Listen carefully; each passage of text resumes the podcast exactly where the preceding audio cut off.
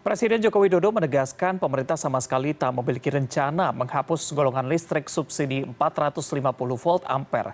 Pemerintah tak memiliki rencana mengalihkan subsidi listrik 450 volt ampere menjadi 900 volt ampere.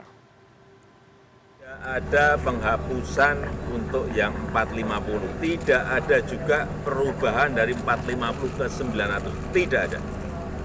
Enggak, enggak pernah, enggak pernah kita berbicara mengenai itu.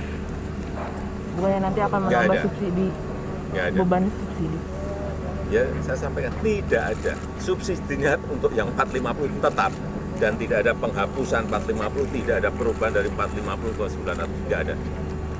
Jangan sampai nanti yang di bawah resah gara-gara Terima kasih Pak. eh, statement